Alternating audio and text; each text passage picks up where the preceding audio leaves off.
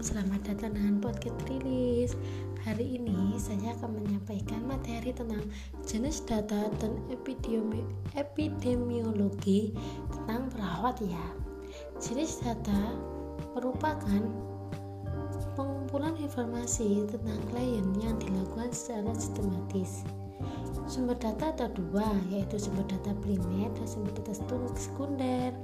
Sumber data primer adalah data-data yang dikumpulkan dari klien yang dapat memberikan informasi yang lengkap tentang masalah kesehatan dan keperawatan yang dihadapinya.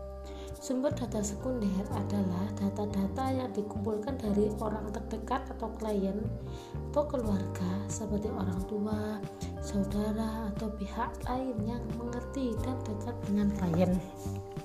Jenis data ada dua ya, yaitu satu data objektif. Data objektif merupakan data yang diperoleh melalui sesuatu pengukuran dan pemeriksaan dengan menggunakan standar perilaku seperti warna kulit, DTV, tingkat kesadaran, dan lain-lain. Data-data tersebut diperoleh melalui sensus yaitu sight, mil, hearing, touch, dan tester.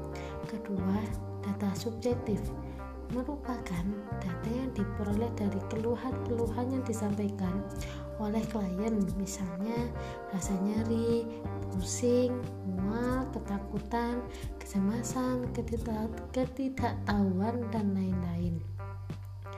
Metode pengumpulan data Nomor satu dengan jenis teknik wawancara Teknik wawancara ada empat yaitu teknik mencari masalah.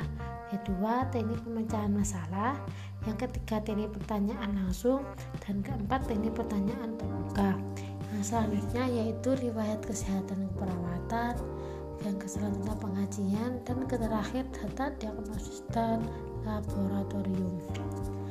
Pendekatan person merupakan orang-orang yang mempunyai inferensi dan audiense yaitu orang-orang atau lembaga yang dapat menggunakan hasil-hasil penelitian.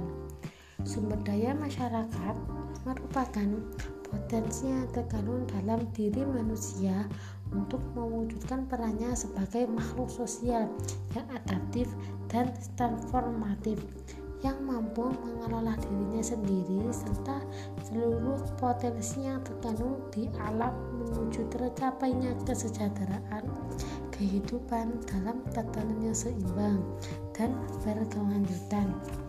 Itu jenis data ya yang selanjutnya epidemiologi. Apakah epidemiologi? Segitiga epidem epidemiologi merupakan konsep dasar epidemiologi yang memberi gambaran tentang hubungan antara tiga faktor yang berperan dalam terjadinya penyakit dan masalah kesehatan lainnya. Ada dua pengertiannya yang selanjutnya Epidemiologi merupakan interaksi antara host atau penjamu, agen atau penyebab, dan environment atau lingkungan. Metode epidemiologi 1. Epidemiologi deskriptif Dipelajari bagaimana frekuensi penyakit berubah menurut perubahan variabel-variabel epidemiologi yang terdiri dari orang atau person, tempat atau place, dan waktu atau time. Kedua, epidemiologi analitik Pendekatan atau studi ini dipergunakan untuk menguji data serta informasi-informasi yang diperoleh studi epidemiologi deskriptif. Ada tiga studi tentang epidemiologi ini yaitu status, studi riwayat kasus, studi kohort, dan epidemiologi eksperimen. Ketiga, perubahan dan perkembangan pola penyakit. Penyak, perkembangan penyakit dapat berubah umur, jenis kelamin, ras, status gizi, anatomi tubuh, etnik, keadaan fisiologi tubuh. Pengukuran epidemiologi. Di dalam uraian ini akan diuraikan berbagai ukuran kesakitan dan kematian yang lazim dibagai dalam survei atau penyelidikan-penyelidikan epidemiologi. Ukuran dasar yang akan dibicarakan di sinilah adalah rate. Yang satu incidence rate jumlah kasus baru yang terjadi di kalangan penduduk selama periode waktu tertentu dengan rumus jumlah kasus baru sesuatu penyakit selama periode tertentu dikali seribu populasi yang mempunyai risiko yang kedua attack rate. Dengan rumus jumlah kasus selama epidemi dikali seribu populasi yang mempunyai resiko-resiko. Yang ketiga, prevalence rate. Mengukur jumlah orang di kalangan penduduk yang menderita suatu penyakit pada suatu titik waktu tertentu.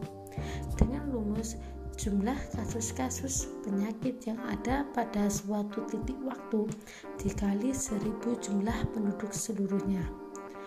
Keempat periode prevalence. Rumus dengan jumlah kasus penyakit yang selama periode dikali seribu penduduk rata-rata dari periode tersebut atau mid period population. Yang kelima root death rate atau CDR dengan rumus jumlah kematian di kalangan penduduk di suatu daerah dalam waktu suatu satu tahun dikali seribu jumlah penduduk rata-rata atau pertengahan tahun di daerah dan tahun yang sama. Yang keenam age specific death rate atau angka kematian pada umur tertentu sebagai contoh expressive death rate pada golongan umur 20 sampai 30 tahun dengan rumus jumlah kematian antara umur 20 sampai 30 tahun di suatu daerah dalam waktu satu tahun kali 1000 jumlah penduduk berumur antara 20 sampai 30 tahun pada daerah dan tahun yang sama. Ketujuh, cost specific death rate atau angka kematian akibat penyakit tertentu. Sebagai contoh kematian karena TBC. Rumusnya, jumlah kematian karena TBC di satu daerah dalam waktu satu tahun kali seribu jumlah penduduk rata-rata atau pertengahan tahun pada daerah dan tahun yang sama. Peran perawat dalam epidemiologi yang satu dapat berperan dalam membangun kesehatan masyarakat secara keseluruhan. Yang kedua, investigasi etiologi penyakit. Yang ketiga, identifikasi faktor resiko. Yang keempat, identifikasi sindrom dan klasifikasi penyakit. Yang kelima, melakukan diagnosis banding atau differential diagnosis dan perencanaan pengobatan yang keenam surveillance status kesehatan penduduk. Yang ketujuh diagnosis komunitas dan perencanaan pelayanan kesehatan. Yang terakhir evaluasi pelayanan kesehatan dan intervensi kesehatan masyarakat. Nah itu materi yang bisa sampaikan. Kalau ada salah mohon maaf. Semoga bermanfaat. Terima kasih. Assalamualaikum